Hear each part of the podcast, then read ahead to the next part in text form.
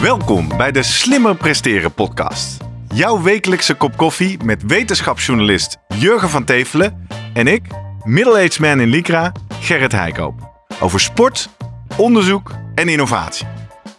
Voor mensen die hun grenzen willen verleggen, maar daarbij de grens tussen onzin en zinvol niet uit het oog willen verliezen. In deze aflevering praat ik met Jurgen over Wouter Duinersveld, triatleet met een ultiem doorzettingsvermogen. In 2006 verwoest een virus het hart van Wouter Duinersveld en kan enkel een donorhart zijn leven nog redden. Dankzij het geschenk van een donor is Duinersveld inmiddels getrouwd, vader en fanatiek triatleet.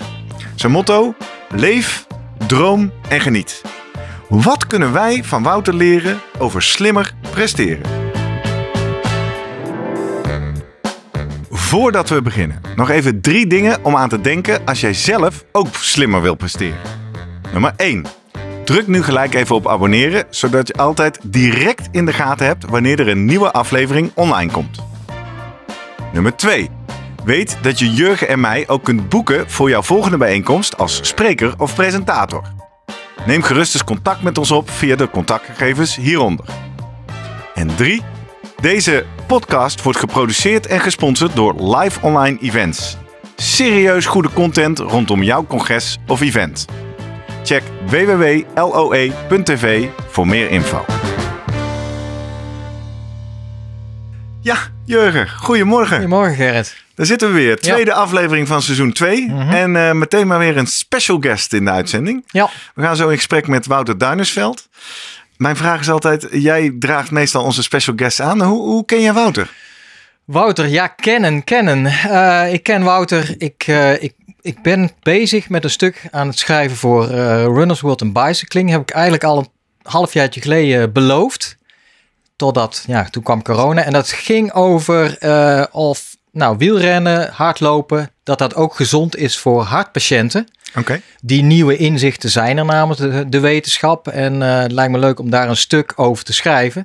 Dan ga je een beetje googlen naar bijzondere verhalen. En er was uh, eigenlijk uh, een verhaal waar ik al snel op stuitte was dat van, ja, van Wouter Duinesveld. Ja.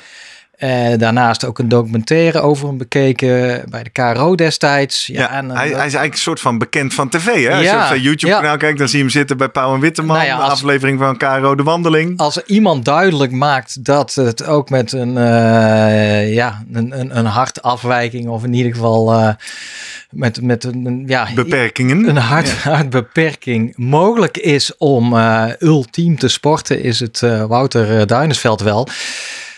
Dus eigenlijk staat dat, stond dat geparkeerd. Ja. Totdat ik ineens merkte van dat hij reageerde op uh, tweets van, ja, van jou. Hij, hij blijkt dus gewoon een luisteraar te zijn ja. van het eerste uur. Via Slimme Podcast op Twitter en Instagram uh, ja. uh, hoorden we ook van hem. En om het maar helemaal rond te maken. Hij, is ook, hij traint met Guido Voemen. Ja. Dus ja, dat, dat kan bijna geen toeval meer zijn. Dat lijkt me dan logisch om meer van hem te weten en hem in, uh, als special guest is uh, te gaan vragen naar zijn verhaal. Nou, wat leuk. Hij is bij ons. Wouter, goedemorgen.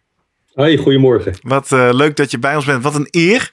Ja. Uh, we gaan uh, jou zo bevragen over hoe het nu met je is. Ik verwijs iedereen naar alle afleveringen van eerder. en we gaan ook meer te weten komen over jouw documentaire. Die eind augustus 2020 uitkomt. Maar voordat we doen, aangezien we nu toch een nieuw vast onderdeel Zoomen met Vroemen hebben.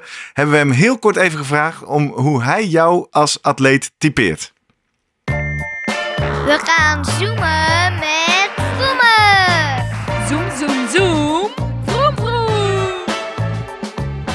Guido, goedemorgen. Goedemorgen, Guido. Goedemorgen. Wij gaan zo in gesprek met uh, Wouter Duinersveld, een van jouw atleten. En uh, voordat we met hem gaan praten, wilden we even van je weten: hoe omschrijf jij nou hem? Wat voor type atleet is hij? Wouter is uh, nou, in ieder geval een, een atleet met heel veel doorzettingsvermogen. Um, nou, hij, heeft natuurlijk ontzettend veel dingen meegemaakt. En dat heeft niet eens te maken met zijn sport. Maar dat weet, denk ik, degene die, uh, die hem kennen, weet wel wat voor een uh, um, ziekte hij heeft gehad. Donorhart. Um, en problemen daarna. En toch wil hij altijd maar weer um, het beste uit zichzelf en voor anderen ook proberen uh, te doen. En eigenlijk wil ik hem nou, ik, dat, dat heeft hij ondertussen, begint hij dat wel een beetje te snappen. Ik probeer hem steeds meer wat, wat meer ehm, nou ja, te laten inzien dat het sporten wat hij nu doet, moet hij met heel veel plezier doen. Ehm, en eerst was het natuurlijk een halve triathlon, een hele triathlon, nog een hele triathlon. Ik zeg maar jongen, op een gegeven moment, dat hebben we nu gedaan. Je moet nu gewoon ontzettend blij zijn met wat je hebt en wat je nog kunt doen. En Ja. ja, dat gaat steeds beter. Mooi. Ja. Nou, we gaan eens even met hem eh, een kop koffie drinken, Ja, Jurgen. ben benieuwd.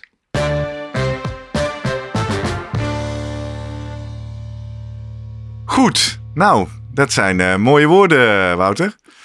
Ehm, laten we even bij het begin beginnen. Voor de mensen die eh, eh, het niet helemaal mee hebben gekregen. Ik zei het al even kort in de intro.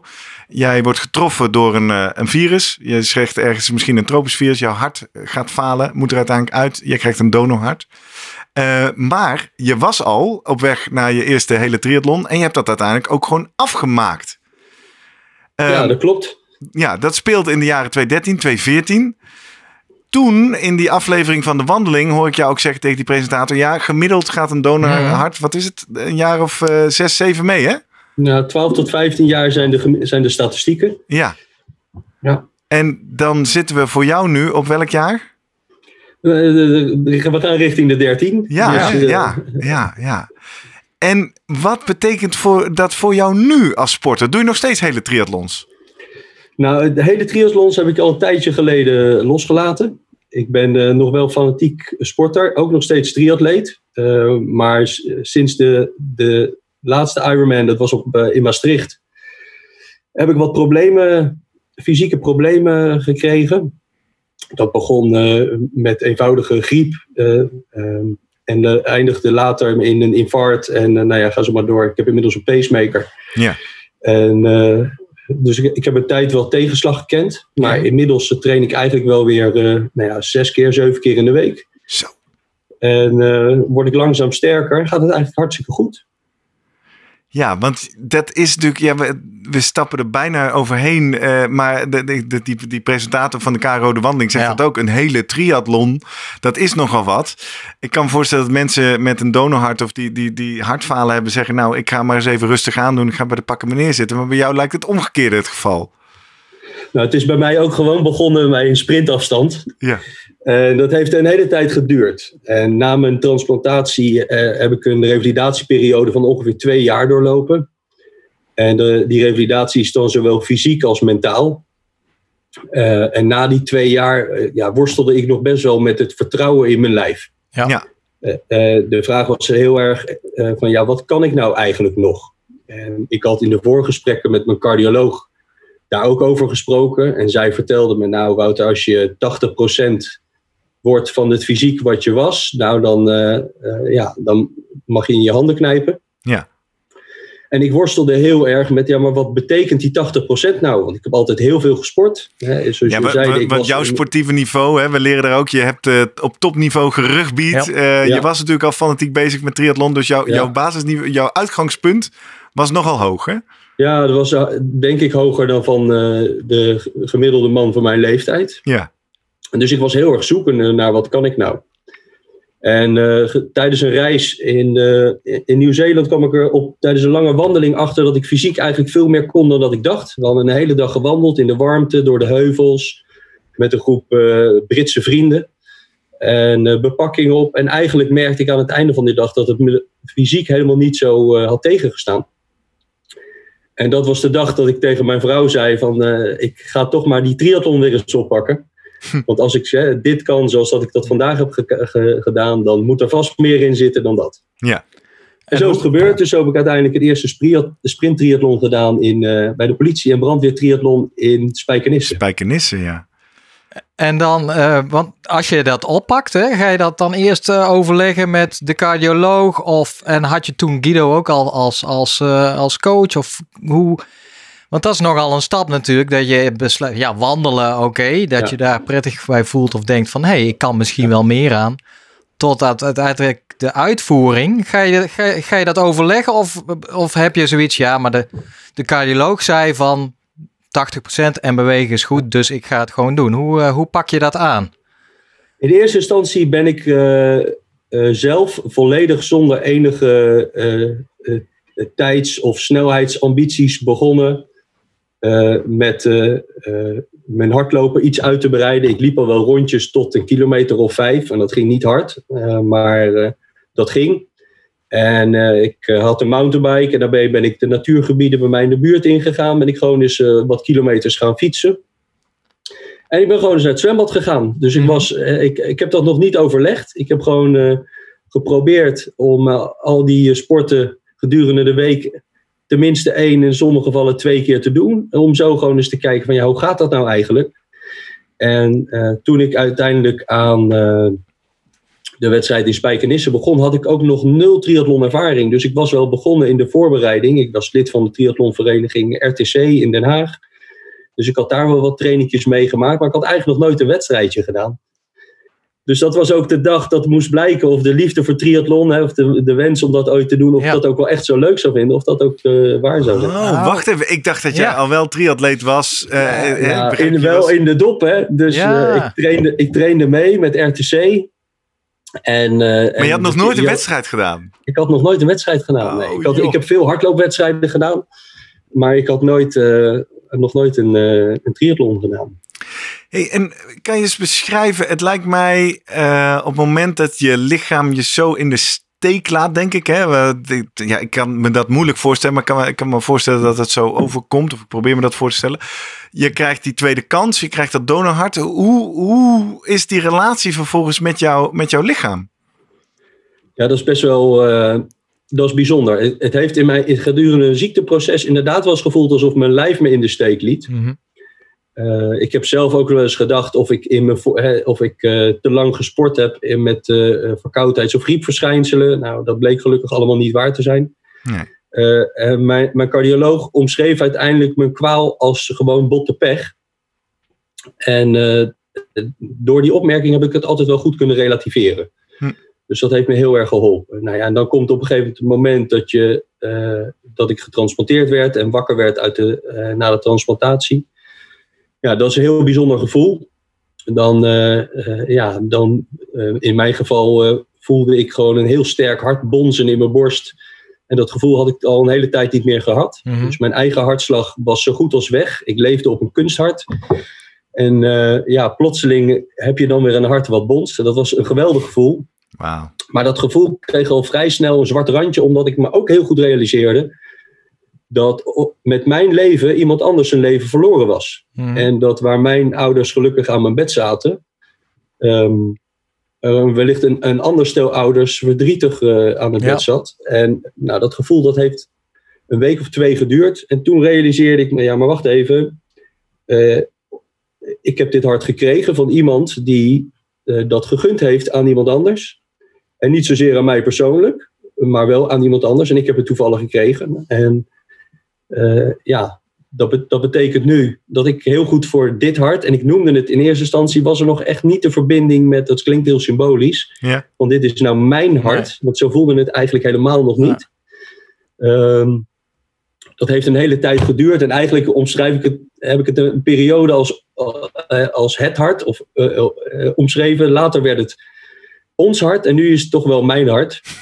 Eh, en, eh, Weet, En weet ik- jij iets van je donor? Was dat ook een triatleet? Of eh, hoe, hoe werkt ja, dat eigenlijk? geen als je idee. een Nee, donor dat weet ik echt krijgt? niet. Nee. Nee, Weet je niks? is- nee. Leeftijd ook niet. eh, Nee, nee. Want dat is ook, hè, want dat, dat, dat begreep ik uit die documentaire. De eerste keren lag je ook klaar voor een, eh, een donor. Eh, alleen dat hart paste niet, of in ieder geval sloot niet aan, laat ik het zo zeggen.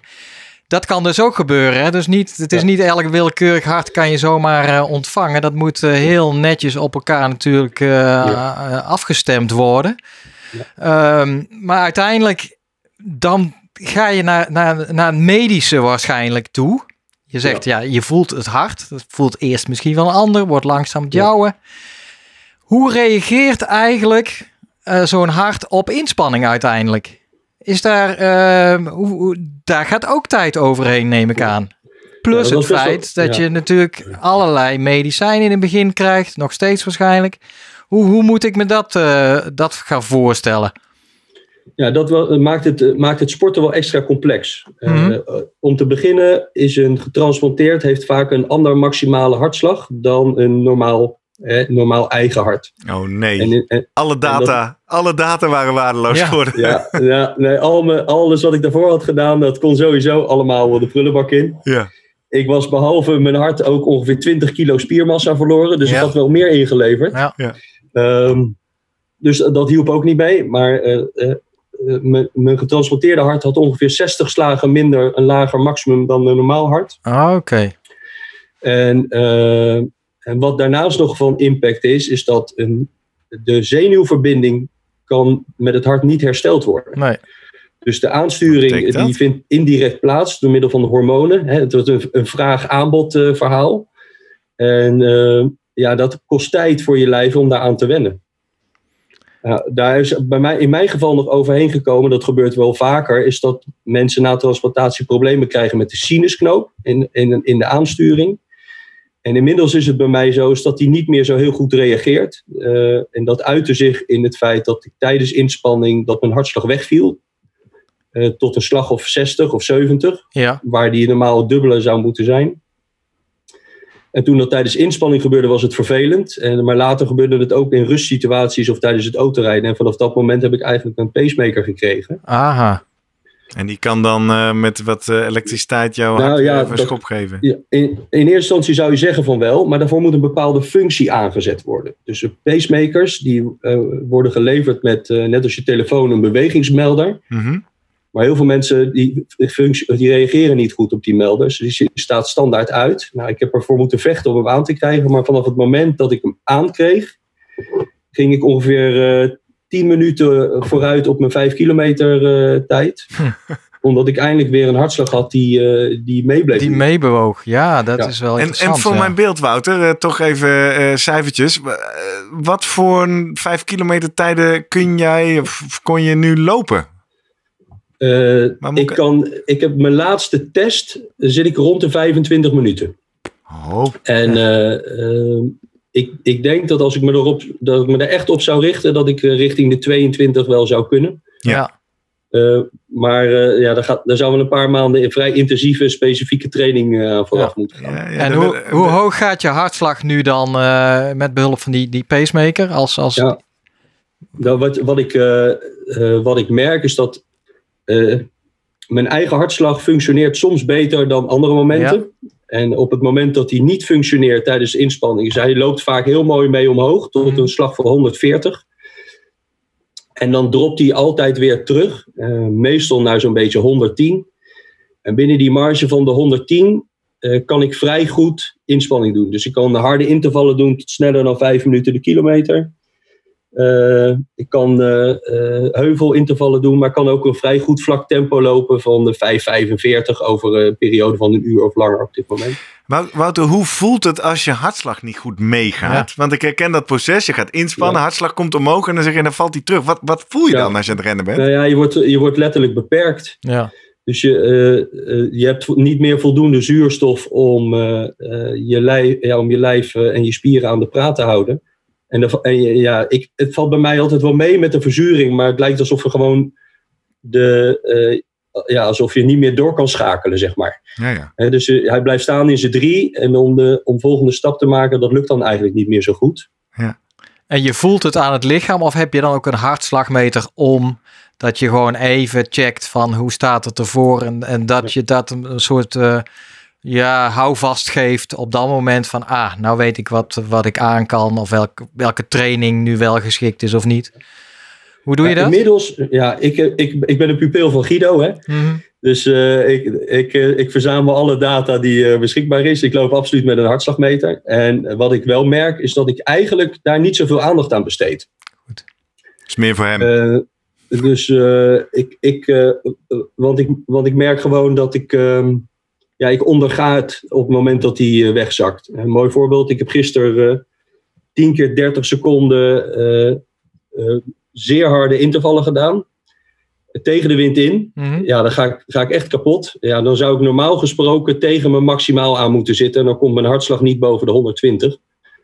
Ja, en dat heeft, ook, heeft dan consequenties tijdens de inspanning dat ik, dat ik het heel zwaar heb. En dat heeft dan ook consequenties tijdens mijn herstel dat, ik, ja, dat het langer duurt duurt. voordat ik weer hersteld ben. Dus ik, Ja.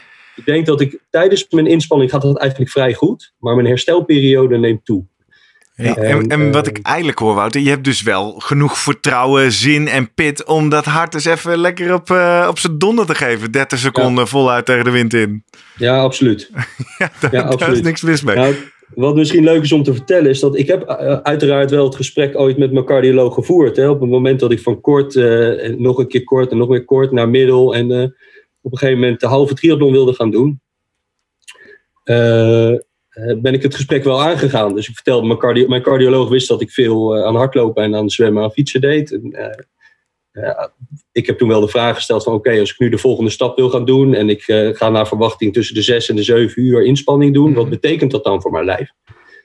En eh, eh, het antwoord toen was van ja, we weten het eigenlijk niet zo goed. Hè, want we kennen geen andere voorbeelden zoals jij. Maar wat we wel weten is dat duursport eh, voor iedereen goed is en ook voor hartpatiënten. Want we zien eh, bij mensen die duursporten over het algemeen dat de bijwerking van de medicatie die je gebruikt veel lager zijn. Nou, daar zullen we het zo meteen nog wel heel even Ja. over hebben, denk ik. Eh, en we zien dat ze gemiddeld langer leven. Hè, dus eh, ehm, de, de organen die hebben heel veel te, te lijden onder de medicatie. Dus je nieren, je lever, et cetera.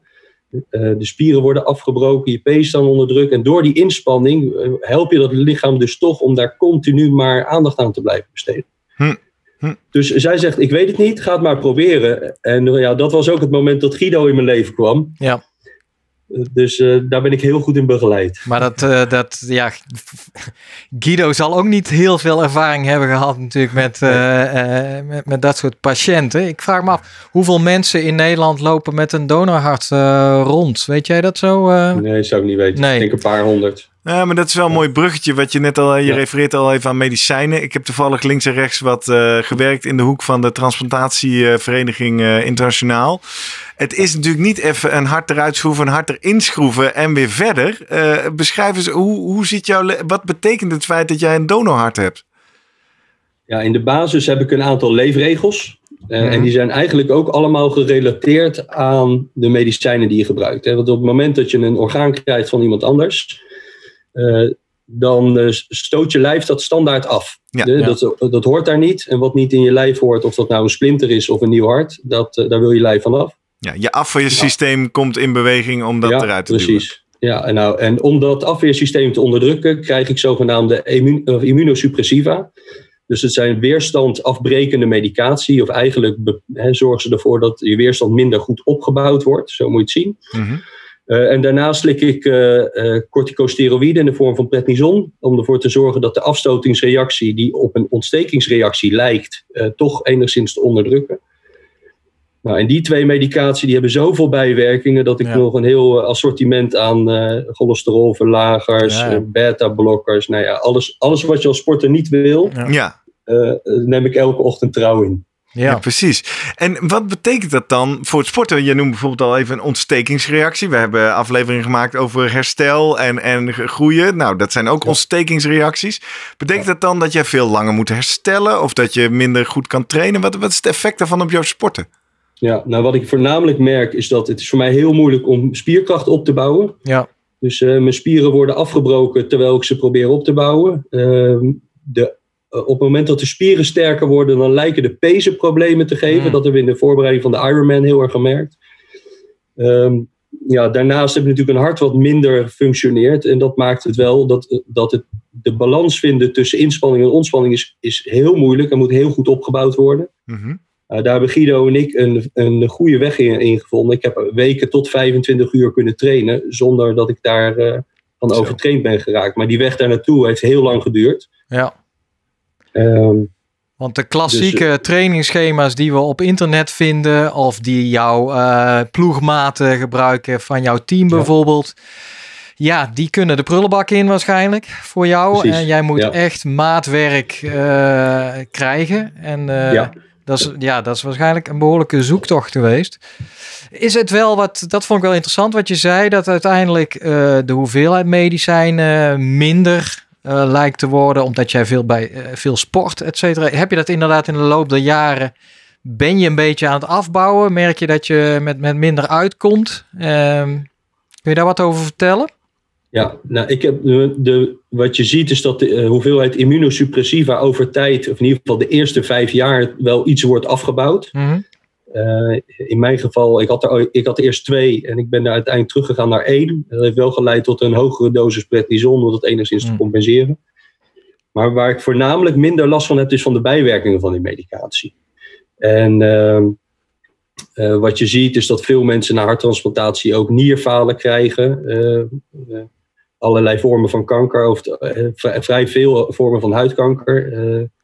Eh, problemen met nou ja, spieren is iets wat we heel veel terugzien. Eh, Ja. Ogen gaan achteruit. Nou, dat is iets waar ik inmiddels ook wel wat last van begin te krijgen. Heel veel mensen krijgen staar na lang prednisongebruik.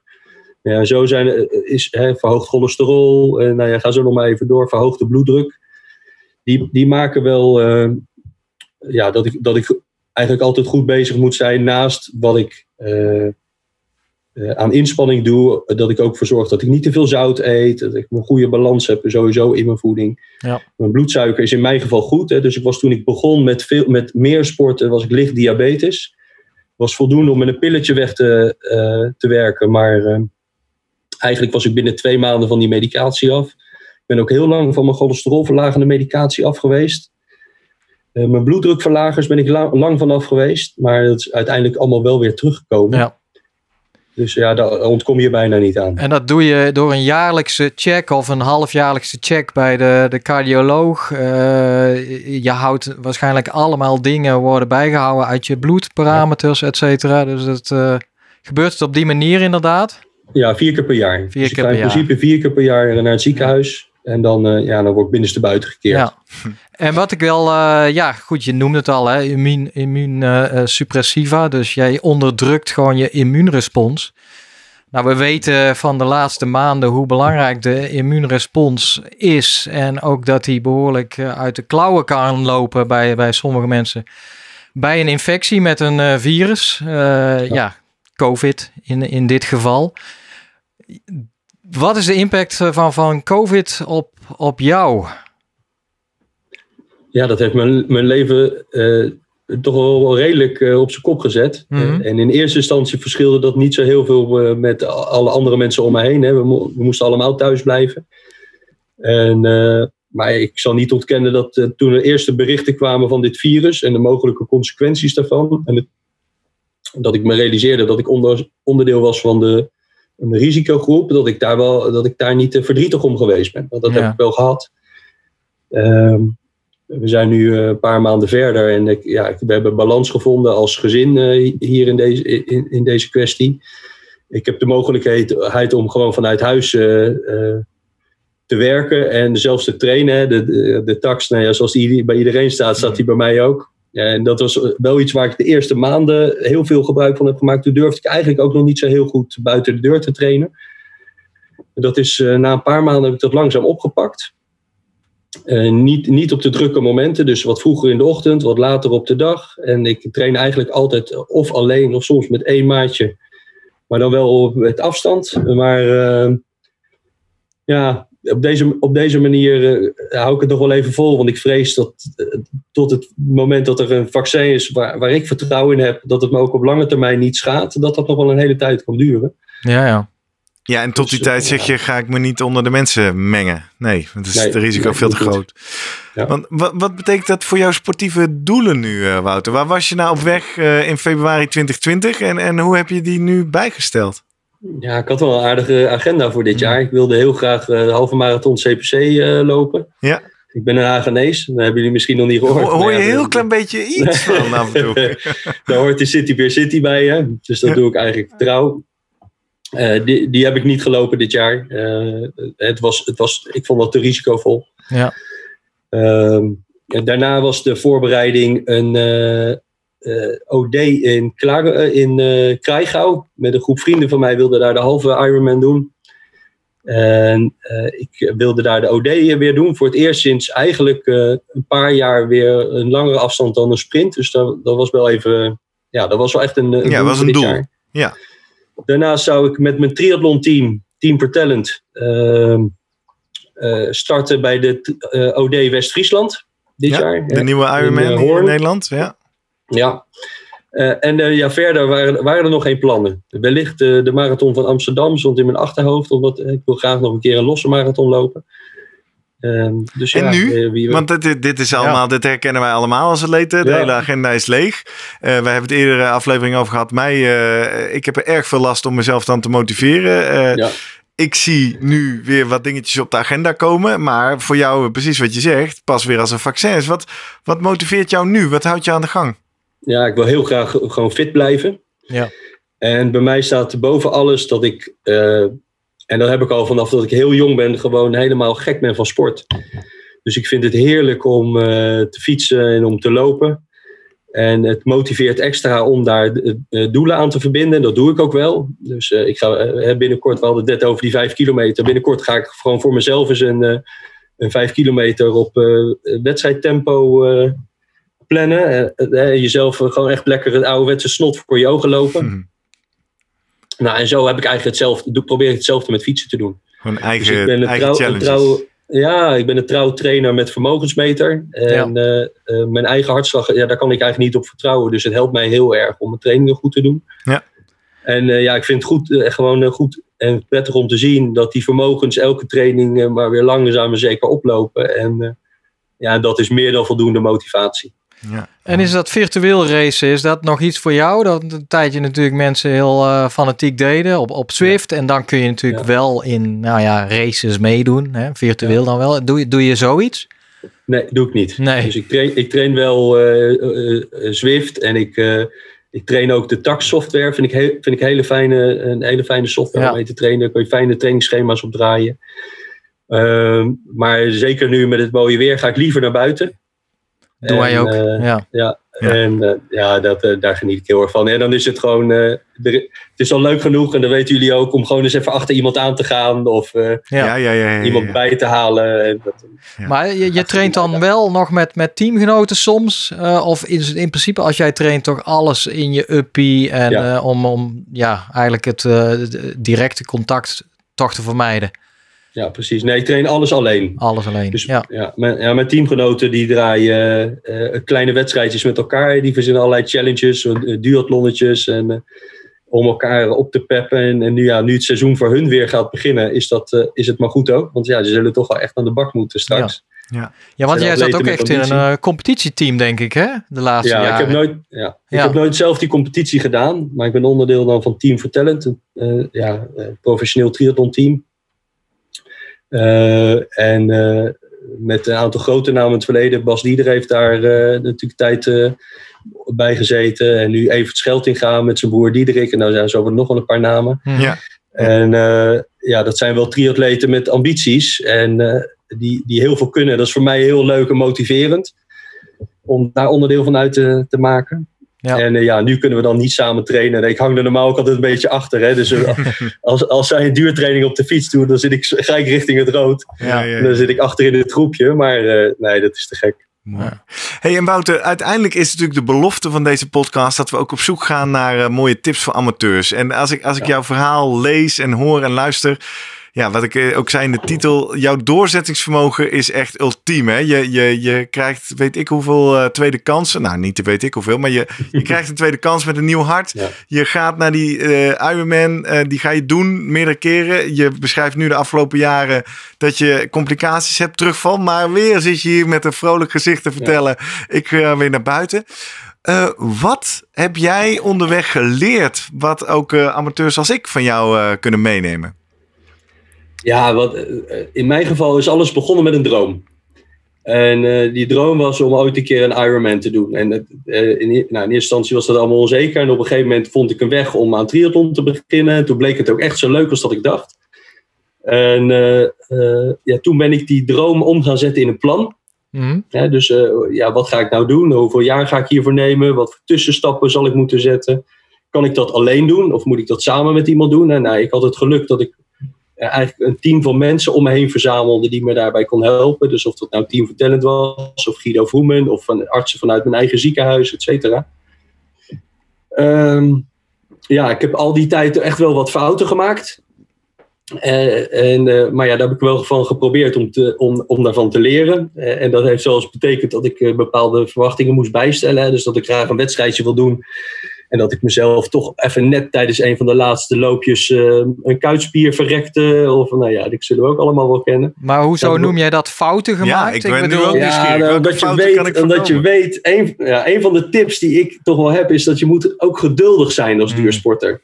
En zeker als je een bepaald doel wil naleven. En eh, nou, sommige mensen trainen met een trainingsschema. En daar staat dan al, zeker voor de langere afstand, al die trainingen zone 1 in. En naarmate je sterker en sterker wordt, dan wil je rammen. Dan wil je zeggen, ja, dat kan toch wel Ja. 2. Misschien even een intervalletje of...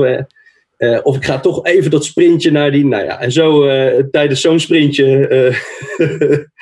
heb, ik, heb ik wel eens een kuitblessure opgelopen. En het is, dus je moet ook geduld hebben. Maar ik denk dat eigenlijk alles valt of staat bij ja, dat je plezier hebt in wat je doet. En dat je Ja. geniet van waar je mee bezig bent. Dus ik, ik, ik geef ook presentaties en dan komen mensen naar me toe. Van ja, en ik wil dit en dat. Maar ja, ik, ik weet, ik vind eigenlijk dit of dus niet zo leuk. En dan zeg ik, ja, maar waarom wil je het dan? Ja, ja, ja. ja. Hè, eh, waarom, waarom zou je een marathon willen lopen als je niet van hardlopen houdt? Ja. Eh, Ja. eh, dat, dat, ja, ik vind het, hè, ik, jullie hebben het ook wel zo over die 14, 14 kilometer schema. Dan denk ik, ja, ik vind het heerlijk om 20 kilometer te lopen. Ja. En, eh, ehm, dus ja, dat, daar, daar valt of staat het, denk ik, mee. En ehm, ja, eh, in mijn geval, en dat zal ook voor iedereen ge- gelden, is dat ja, probeer ook naar je lichaam te luisteren. Ja, maar, ja Dus, eh, en toch hè Wouter, want je zoekt het wel op. Als Ja. nou Jurgen begint met, eh, ik ben ook eh, dit, eh, ik kwam Wouter tegen op weg naar een stuk of voor hartpatiënten. Eh, we hebben het ook even kort in de aflevering over eh, eh, vrouwen met borstkanker over gehad. Dat natuurlijk mensen die zoiets serieus aan hun lijf hebben, de, nou, doe maar een beetje rustig aan, doe maar voorzichtig. Ja. Terwijl jij lijkt het omgekeerde te doen. Wat, wat, wat drijft jou daarin? Ja, het, eh, gewoon de, het, voor mij is sporten een soort medicijn. Hè? Ja. Dus misschien dat ik ook wel verslaafd eh, ben. Hè? Dus jullie hier met een junk aan de andere kant eh, van de lijn zitten. Maar ik vind het vooral, ik vind het vooral heel, heel fijn om bezig te zijn met sport. Ja. Dus, en om mijn lijf te prikkelen. En ook om daar weer van te herstellen en om te kijken wat het effect daarvan is. Ja. Ja. En, eh, Maar dit, ja, dit zeg je eigenlijk dus, dit is ongeacht boeien dat ik een donorhart en allerlei medicatie heb. Ik bedoel, ja, dat zijn wellicht wat beperkingen, maar eh, Ja. dit is wat het is voor jou. Nee, anders had ik al eh, nou, middels tien jaar geleden moeten stoppen met wat ik het liefste doe. Ja. En ik heb dit hart ooit gekregen om daar een leven mee te leiden. En eh, een leven, waar, eh, ja, dat, daar moet je het beste van maken. En dat heb ik altijd gedaan, ook al voordat ik ziek werd. En eh, eh, ja, gelukkig heb ik de kans gekregen om dat daarna ook weer te doen. En nu doe ik dat niet meer alleen. Hè. Dus ik heb een hele lieve vrouw al een hele tijd en twee fantastische kinderen. Dus eh, ja, ik, het leven lag me toe. En dan ja, af en toe dan gebeurt er wel eens wat. En eh, dan lig ik een week in het ziekenhuis en dan lappen ze me wel weer op. Ja. En daarna gaan we gewoon weer aan de slag. Ja. Ja, want de, de, de, je kinderen, Olivier, eh, die komt langs bij, bij, je, bij de wandelingen van de KRO. Ja, ja, En dan is hij natuurlijk vrij jong. Hoe oud is, eh, zijn je kinderen op dit moment? ja. ja, ze zijn bijna, eh, bijna acht en bijna zes. Oké. Zo Ja. allemaal over een maand. Ja. En Ja, zij- nou, en af en toe voorkomt, overkomt je wat, zeg je. En eh, Ja. de kinderen, eh, iets wat jou eh, de afgelopen maanden flink heeft bezighouden, eh, is je bent ook actief bezig met je verhaal te delen. Je zegt al, Ja. je bent de boeken bij Sportspreker. Je hebt het boek geschreven, Hart van een ander. Maar er is de afgelopen maanden een ander project. Maar dat, met Ja. toch een wat... Ja, wat is het nou voor titel? Ik heb er mixed feelings bij. Finish in zicht, een documentaire. Leg Vertel uit. eens. Ja, de Finish in Zicht is een eh, project van twee eh, eh, studenten van de School voor Journalistiek. En ik werd benaderd door een gezamenlijke vriend. tevens een van mijn collega-teammaatjes van de Residentie Triathlon Club in Den Haag. Mhm. Met de vraag of hun, hun dochter een documentaire over mij mocht maken. En ik heb in het verleden al het een en ander gedaan. Dus wel meer documentaires gemaakt. En eh, we hebben daarover gesproken. Ik vond het eigenlijk heel leuk, omdat ik vind... Ik, eh, we hadden het net al over eh, statistische levensverwachting. Uh-huh. Hè, en die ligt tussen de 12 en de 15 jaar. Nou ja, ik zit nu in die periode. Er, zijn, ik, er zijn ook mensen die er 30 jaar mee doen. Maar er zijn natuurlijk ook mensen die het, die het niet redden. Het blijft, blijft wel statistiek. Ja.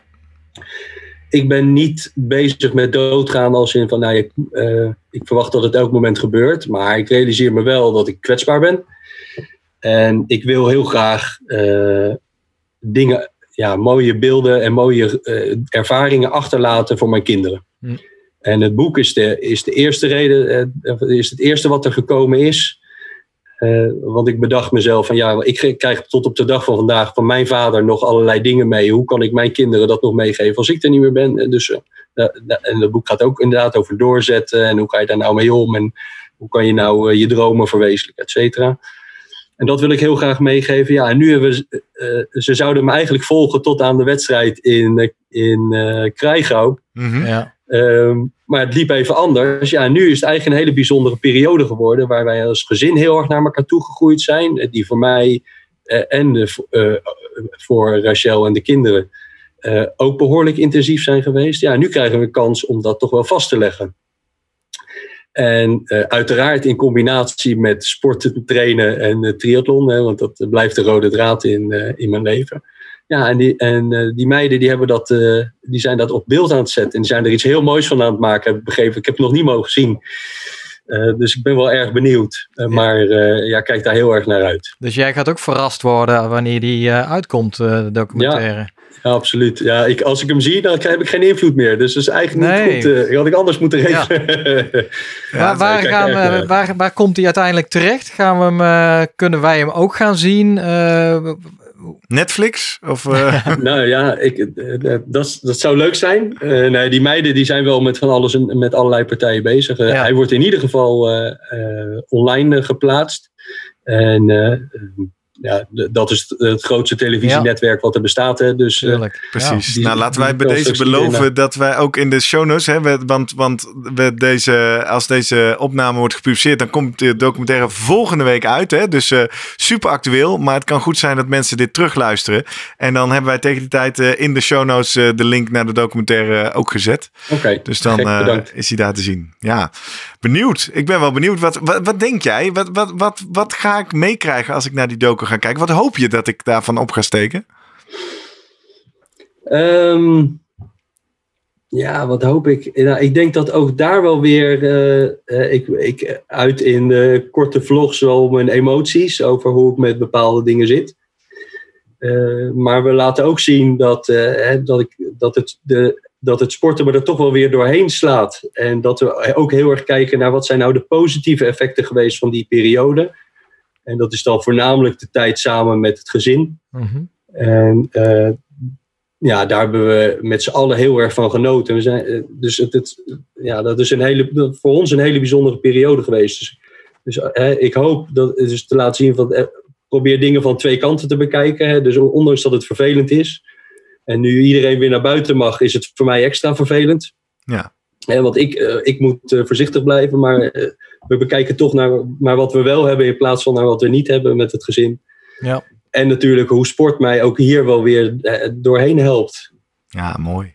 Als, Zeker, ik ben heel medicijn. benieuwd. Ik vraag me ook af, jouw gezin, hè? Zijn, gaan die mee met jou in, in je liefde voor de sport? Er, eh, kun je dat terugvinden ook bij je kinderen en in de manier waarop zij sporten of ja, naar sport kijken? Naar jou kijken, denk ik, als, eh, als jij eh, in, de- tijdens jouw wedstrijden eh, vorig jaar en de jaren daarvoor.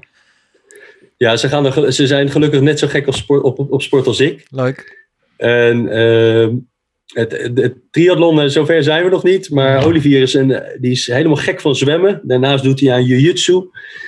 Hij heeft een tijdje gebasketbald, heeft gerugbied en nu doet hij ook nog hockey. Dus hij is Nou, lekker kijk. bezig. Ja, En Sophie, die is, eh, heeft een zwemles nu, dus eh, die, is, die gaat hartstikke goed. En die doet daarna aan dansen en aan street dance en ballet. En, eh, dus ja, we zijn een sportief gezin. nou, heel goed. En eh, ja, dus ik, ik hoop dat, ze, dat ik ze dat wel mee kan geven. Ja, Ja, mooi zeg. Hey, wat, wat, wat tof om dit verhaal te horen. ja zeker. Toch? En eh, laten we zeggen, in ieder geval voor ieder, alle mensen die we- met een transplantatieorgaan en donororgaan leven. Eh, laat het zien dat het geen beperking hoeft te zijn. Juist niet. Voor iedereen die denkt, eh, goh, zal ik wel of niet sporten? Sport is een medicijn. Mentaal, fysiek. Ja, elke beperking lijkt het wel. Of elke Ja. patiënt zou gewoon, net als in het geval van Miranda Boonstra, Ja. ja, toch eh, bewegen of sporten, zoals je aangeeft, is toch een, een heel goed medicijn voor, eh, voor patiënten ook. Leuk. Nou, moeten we de, de passie voor sport eh spatten vanaf, Wouter. Ik ben blij dat ik dit te mogen vertellen, man. Ja. Leuk. Nou, Dus, laten we eh, eens kijken of we wellicht wat mensen weten te bereiken met deze podcast. Misschien wel in jouw netwerk ook. En laten we die mensen die deze podcast dan voor het eerst zien of beluisteren nog eens uitleggen hoe je met ons in contact kan komen. Net zoals Wouter dat wel eens doet. Bijvoorbeeld op Twitter kan je eh, reageren via @slimmerpodcast. Eh, op Instagram kan dat ook. En dan wil ik even een leuke reactie voorlezen die eh, laatst op Instagram langskwam van eh, Marius van de Bremer. Die zei wederom leuke aflevering. Hebben jullie podcast pas vorige week ontdekt. Dus in anderhalve week alle afleveringen doorheen gesjeest. Nou, ik weet niet of dat aan te bevelen is. maar dat kan dus wel. Gaat prima als vrachtwagenchauffeur, recreatief triatleet en hardloper schrijft hij. Tevens opleiding volgend voor fitnesstrainer A en B. Dus erg interessante gespreksstof allemaal. Ga zo door. Nou, dit vinden wij dus heel erg leuk. We zeiden net eh, vlak voor deze opname ook al even naar, tegen Wouter. Kijk, wij zitten hier wel leuk met elkaar koffie te drinken. Maar het feit dat er dus Ja. echt mensen zijn die hier naar kijken en luisteren en waar we mee in gesprek kunnen, dat is fantastisch. Dus alle vrachtwagenchauffeurs in Nederland, eh, volg Ja. het voorbeeld van Marius. Ga Kom- ook tri eh, Kom uit die cabine en eh, ja, ga in gesprek. Als je nou niet op Twitter of Instagram zit, dan kan je ook op onze website kijken. www.slimmerpodcast.nl Daar heeft iedere aflevering zijn eigen pagina. En daaronder kun je ook reacties achterlaten. En wij reageren altijd terug. Of als je zegt, nou, ik ben niet zo publiek. eh, ik eh, stuur liever een mailtje. Dat doen ook steeds meer mensen naar post.slimmerpodcast.nl. Daar kun je ons bereiken. En eh, ja, tot slot, mocht je dit nou een leuke, interessante aflevering vinden, dan hopen wij dat je de link naar deze aflevering naar zoveel mogelijk mensen kan doorsturen. Zodat we met uiteindelijk zoveel mogelijk mensen in Nederland slimmer gaan presteren. Tot zover, Jurgen. Wouter, dankjewel. Fijn dat je bij ons was vanmorgen. Dankjewel Wouter. Graag gedaan.